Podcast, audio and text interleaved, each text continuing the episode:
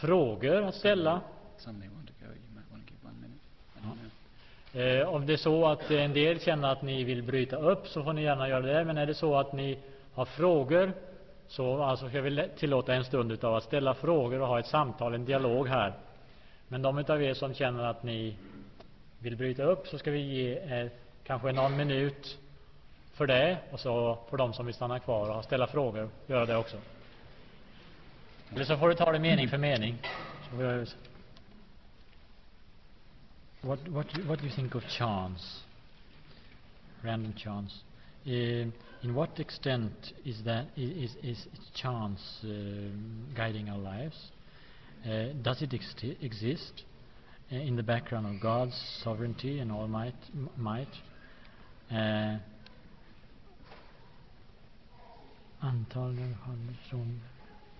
Uh, suppose I fall from my cycle bike and hurt myself badly.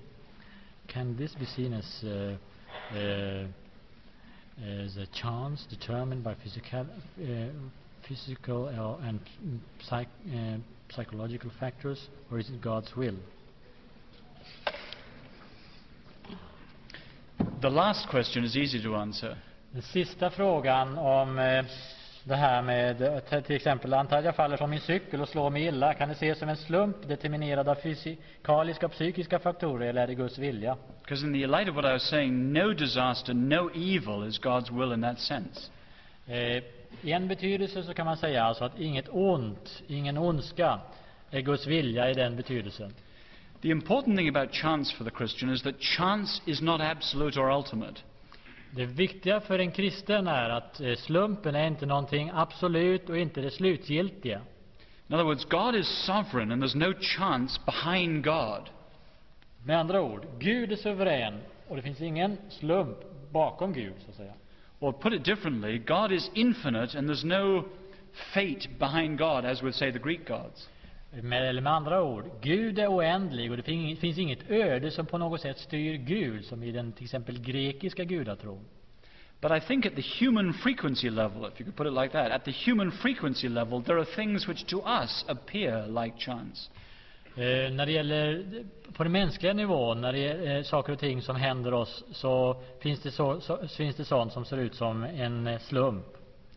And I personally don't think there's anything wrong with seeing chance at that very modest level, so long as you don't see it as an ultimate thing. Om man ser alltså slumpen på en begränsad tillfällighetsnivå, så är det inget fel att se det som en slump, en tillfällighet så att säga, på en, på en låg nivå, men inte som något absolut och slutgiltigt. But for the Christian, what's important is that one doesn't say play on chance and become, say, the gambling whatever, or fatalist or superstitious or whatever. Man kan inte spela med slumpen och bli, eller bli en, fat, en ödesmän, äh, tro på ödet och så vidare. kan man inte göra som kristen, så som varande det slutgiltiga. But clearly, in a world where there are many things that are surprising and inexplicable, unexplained, there are lots of things one can, in quotes, put down to chance, but not ultimately. Naturligtvis finns det mycket överraskande, oförklarligt, som verkar tillfälligt, som en, alltså som för oss alltså i vår begränsade, u- ut, från vår begränsade utgångspunkt kan verka vara slump. I personally think some Christians who deny that completely end up rather humorless. Eh, Men sådana kristna som helt förnekar detta utifrån till exempel Guds allmakt, de eh, har oftast väldigt dålig humor. But it's very carefully framed. Men det måste alltså vara inom ett, en, en, inom, en visst, inom ett begränsat område som vi kan tala om detta. Flera punkter här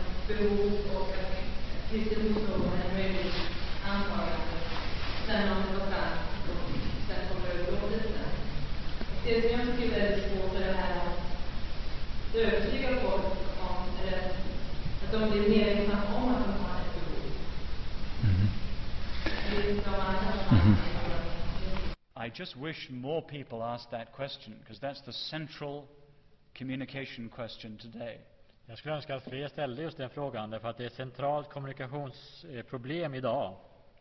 And that's actually the subject of the first talk tomorrow morning.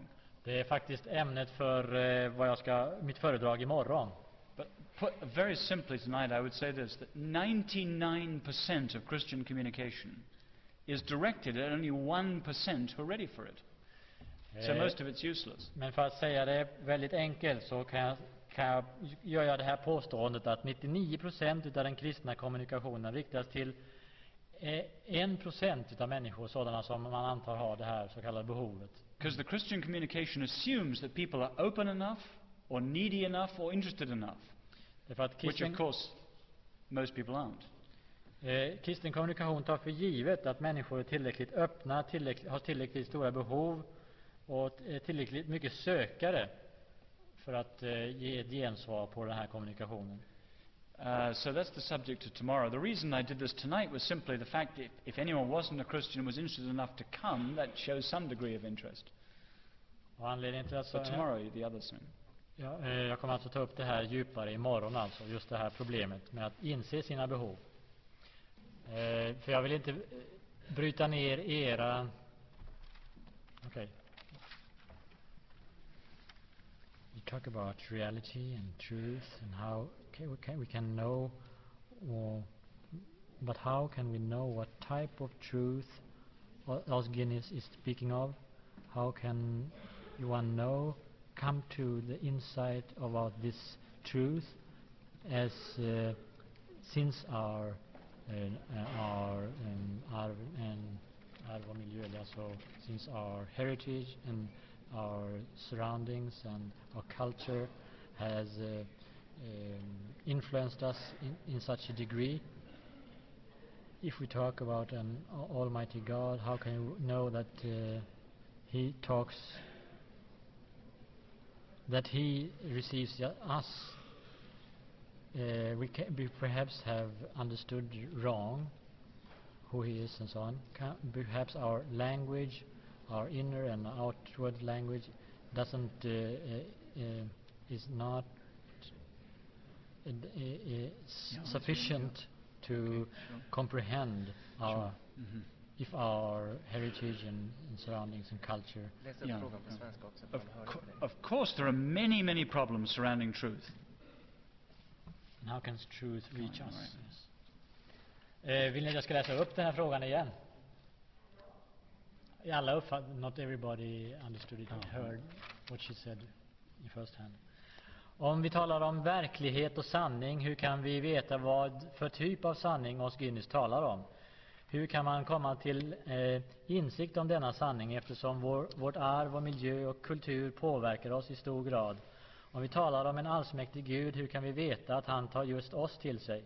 Vi kanske har förstått fel, kanske något språk, inre och yttre, inte räcker till att förstå om vårt arv, miljö och kultur inte hjälper oss på vägen. Hur kan då sanningen komma till oss? I don't disagree for a minute that the problems surrounding truth are tremendous. That's why we, it is at such a low level today.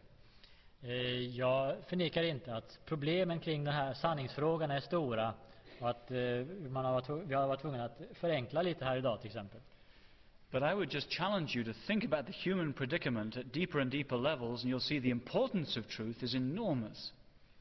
Eh, Men ju mer man tänker på den mänskliga situationen och svårigheterna och det- den, det, det, mänsklighetens situation idag, ju större ser man behovet av en, en sanning. Let me just take a, an ordinary level woman's problem that was just shared recently. Eh, Ta bara på en helt vanlig vardaglig nivå, en, en, en kvinnas problem som jag fick höra talas om idag. I heard a non Christian woman arguing like this in public. Jag hörde en icke-kristen kvinna som argumenterar på det här sättet offentligt. She said, I hate men making love to me when I feel they're just using my body. Jag hatar människor som eh, älskar mig när jag... Män, ja. Män som eh, älskar mig när, jag vet att de bara vill använda min kropp, manipulera den och använda den. And she said, the worst thing about it is because they're not interested in the real me. But what is the real me? Hon sa så här, ja, det är just därför att de inte är intresserade av mitt verkliga jag. Men vad är mitt verkliga jag? So, all in the brief time we had to do tonight, I was just trying to raise the question that truth matters at all sorts of levels supremely. Vad jag ville säga här ikväll är att sanningen angår oss på alla typer av nivåer väldigt djupt, detta med sanning. And once you begin to see it matters for yourself or for human beings or whatever, then these questions are urgent, they're not just theoretical. Och om sanningen verkligen är angelägen, då är de här frågorna som jag ställde eh, så, är, så, så, så tränger de på, är viktiga att ge svar på. You know, if these are your questions, get in touch with uh, Sven Svedolf here or others round Göteborg who will take these questions seriously until you get to the end of them. Because tonight's been terribly brief and general. But these questions can be answered with time and patience and perseverance. Eh, om den här sanningen verkligen angår oss djupt och vi vill söka vidare och inte bara en teoretisk fråga, någonting abstrakt som vi liksom bara ställer för frågans skull. Då ska vi ta oss tid och verkligen gå vidare och söka. Därför att det finns svar, tillräckliga svar. Och eh, det finns människor här som kan hjälpa dig vidare att verkligen ge de här djupare svaren på de här frågorna. I can remember people in the 60s agonized by the question was reality real at all? Eh, jag kan komma ihåg på 60-talet människor, människor som verkligen våndades inför de här frågorna. Finns det, verkligen, finns det någon verklighet alls? And that's a desperately important question, but you can't answer it in two minutes.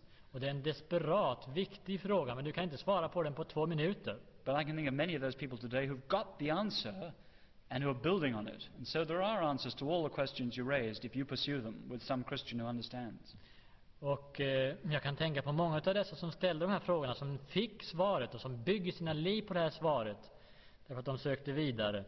Och eh, om du vill finna svaret på dina frågor så finns det alltså sådana, eh, så finns det möjlighet att få svar.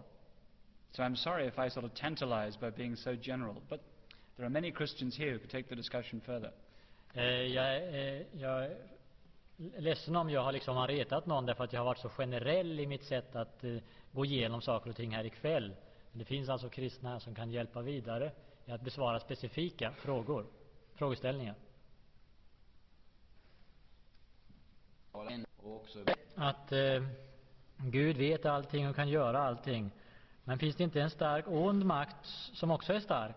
Finns det, också en, finns det inte också en ond makt som, och, makt som också är stark? Eh, om det inte finns en ond, stark ond makt, varför säger, finns det kristna som säger, som talar om en fallen ängel? Och hur stark är den här fallna ängeln då?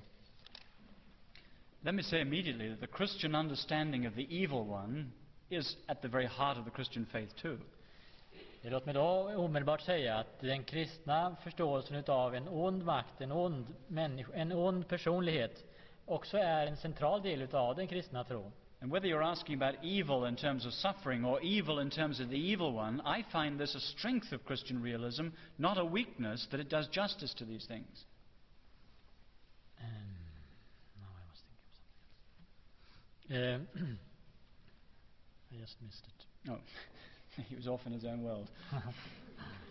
You know, I I find that whether it's the evil in the world or the evil one in the world, this realism of the Christian faith is a strength, not a weakness. Eh, vare sig man talar om det onda i världen eller den onde, så att säga, i personliga termer, så är detta en styrka i den kristna tron.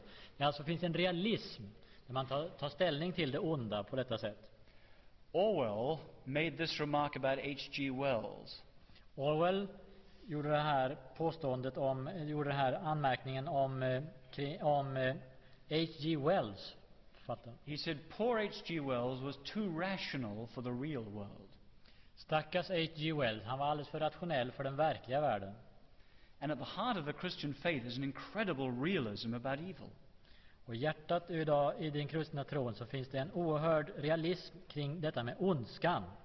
And the Bible certainly believes that above human forces are principalities and powers and superhuman forces. It's not just the devil, but all these other forces too. och Bibeln säger klart och tydligt att över de, de, de mänskliga makterna och systemen så finns det en övermänskligt system av makter och krafter. Inte bara den onde utan många onda krafter och makter.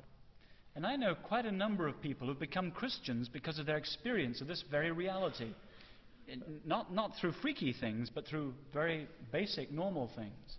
Eh, och jag känner många kristna som har blivit kristna därför, att de har kommit i kontakt med och insett dessa verkligheter, inte bara genom sådana här mystiska saker, utan eh, genom sin erfarenhet. For example, friends who worked in the White House who have felt that above the purely human political power, there's something that's a superhuman power there in terms of the concentration and intoxication of power in Washington. Och jag känner vänner som arbetat i Vita huset som kände i tid, vid vissa tidpunkter att ovanför det här maktsystemet som finns där i Vita huset så fanns det övermänskliga, ett övermänskligt system som genomträngde och liksom förgiftade atmosfären. So, for the Christian, whether it's the 20th century Christian or the Apostle Paul, these things are real, but the important thing is they're limited and finite. Så både för moderna kristna och för aposteln Paulus så är de här verkligheterna, eh, så är det här eh, verkligheter. Men de är inte sådana att de är absoluta och är starkare än Gud. Again, if any of you don't believe in these things, just look at the record of the 20th century. Eh, Om någon av er inte tror på det här så titta bara på hur det 20 århundradet har sett ut. With literally hundreds of human beings murdered by human beings. Med hundratusen, hundred millions, Hundreds of millions. ja, hundra miljontals människor som mördats brutalt utav människor. Either you end up with an optimism which doesn't face the facts, Antingen så slutar med en optimism som inte alls tar hänsyn till fakta i historien. or a realism which leads you to despair if that's all human beings are and there's nothing else at all. Eller en realism som lämnar dig i förtvivlan om detta är allt vad, som han, om detta är allt vad eh, det finns när det gäller människan, den här ondskan. Or the Christian perspective, which is both realistic and yet accounts for more than the human realities and therefore allows hope too.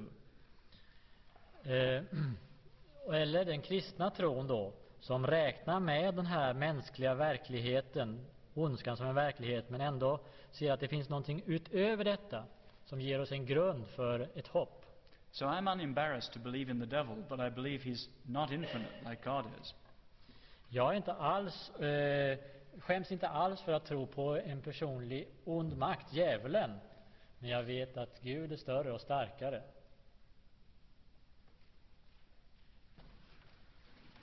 Frågan lyder så här. Är sekulariseringen en positiv utveckling för kristendomen? Är sekulariseringen en positiv utveckling för kristendomen? Om svaret är ja, var får då Gud plats i den moderna människans liv?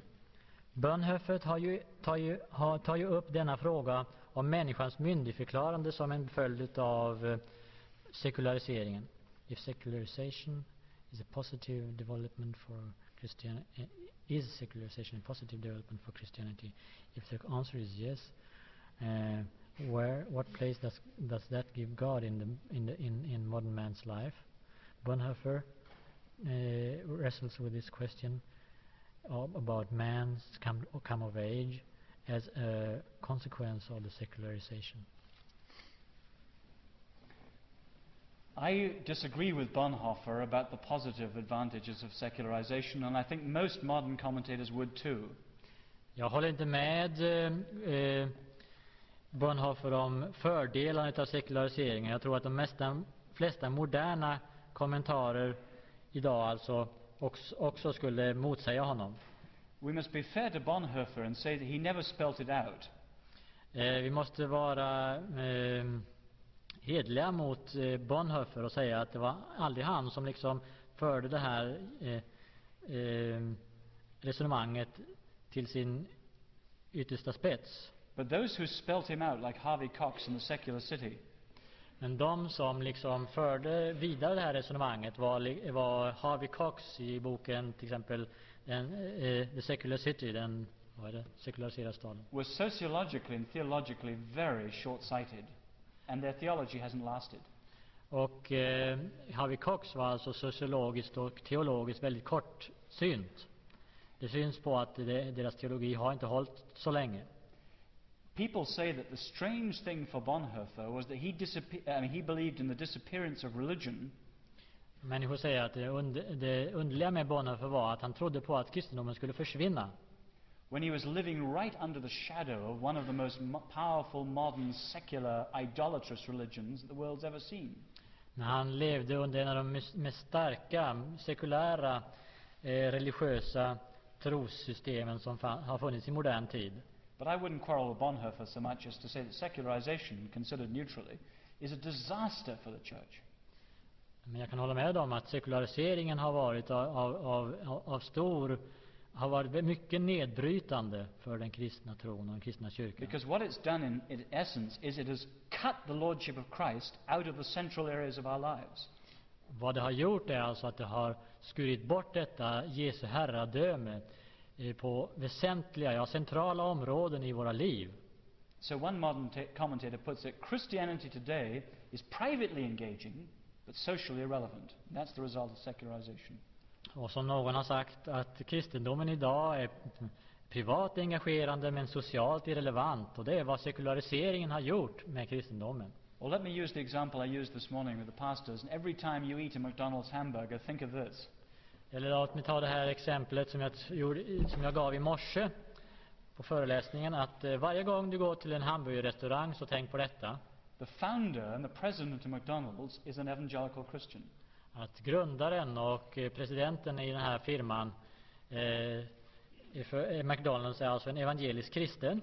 He was asked by the New York Times what he believed in. He said, I believe in God, the family, and McDonald's hamburgers. Och eh, när man frågade honom vad han trodde på så sa han jag tror på Gud, min familj och på McDonalds hamburgare. But then he added, and when I get to the office, I reverse the order. Och när jag kommer till mitt kontor så omvänder jag på ordningen. Först McDonalds då och sen familjen och så sist Gud. And that is secularization, and that's a disaster for the church and the lordship of Christ. Eh, och det är sekulariseringen som har skapat en sådan, eh, sådan inställning och det är förödande för den kristna tron. I would just say no sociologist takes the secular theologian seriously. Jag skulle vilja påstå så här att ingen sociolog tar sekulariseringsteologin riktigt på allvar.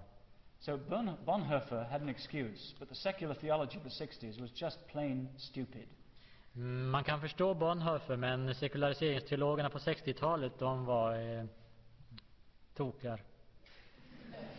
Om det lever kvar.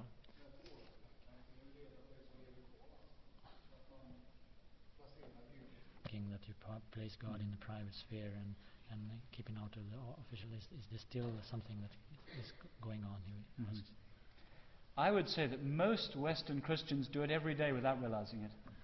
Jag skulle vilja påstå att det här tvårumstänkandet, alltså att man lämnar Gud utanför det officiella samhälleliga livet, det är vad de flesta kristna gör idag. In other words, there are thousands of Christians. Omedvetet. There are thousands of Christians in the public sphere, such as in Volvo or Fiat or Whitehall or Pentagon or whatever. Det finns tusentals kristna i det offentliga livet, som på Volvo-fabriken, Fiat eller vad det än är. But studies have shown that the limit of their witness is personal. Men eh, studier har visat att, eh, att deras vittnesbörd begränsar till sig till det helt personliga sfären. So they don't swear and they don't sleep with their secretaries and they don't get drunk at the office party. Så att de svär inte, de, sover in, de ligger inte hos sin sekreterare och de blir inte druckna vid olika firmafester. And they do pray for their colleagues and they do witness, but it's purely personal. Och, They don't think Christianly about business ethics, about their employees and so on. Och de kanske ber för sina kamrater, arbetskamrater och vittnar då och då. Men de tänker inte kristet på sin uppgift och på kristen etik och hur man eh, bedriver affärer och så vidare i, i, i det offentliga livet. We could put it like this Luther's original doctrine of the two kingdoms was tremendous until secularization happened. Luthers tvåregementeslära var fantastisk ända till sekulariseringen började. When secularization came, what it, it changed was the private sphere was the religious sphere, and the public sphere went on as it went on anyway. Och när sekulariseringen kom så blev alltså den här delen, den trons sfär så att säga, den privata sfären och sedan den offentliga sfären, den lämnades helt utanför tron. And of course, that encouraged the rise of Hitler.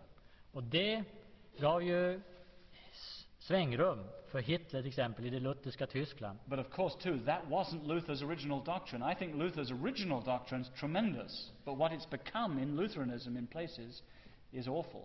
Eh, Men det var inte Luthers ursprungliga lära och undervisning, men vad den har blivit i lutheranismen senare eh, och sedan i mötet med sekulariseringsprocessen, eh, det har blivit förödande konsekvenser utav det.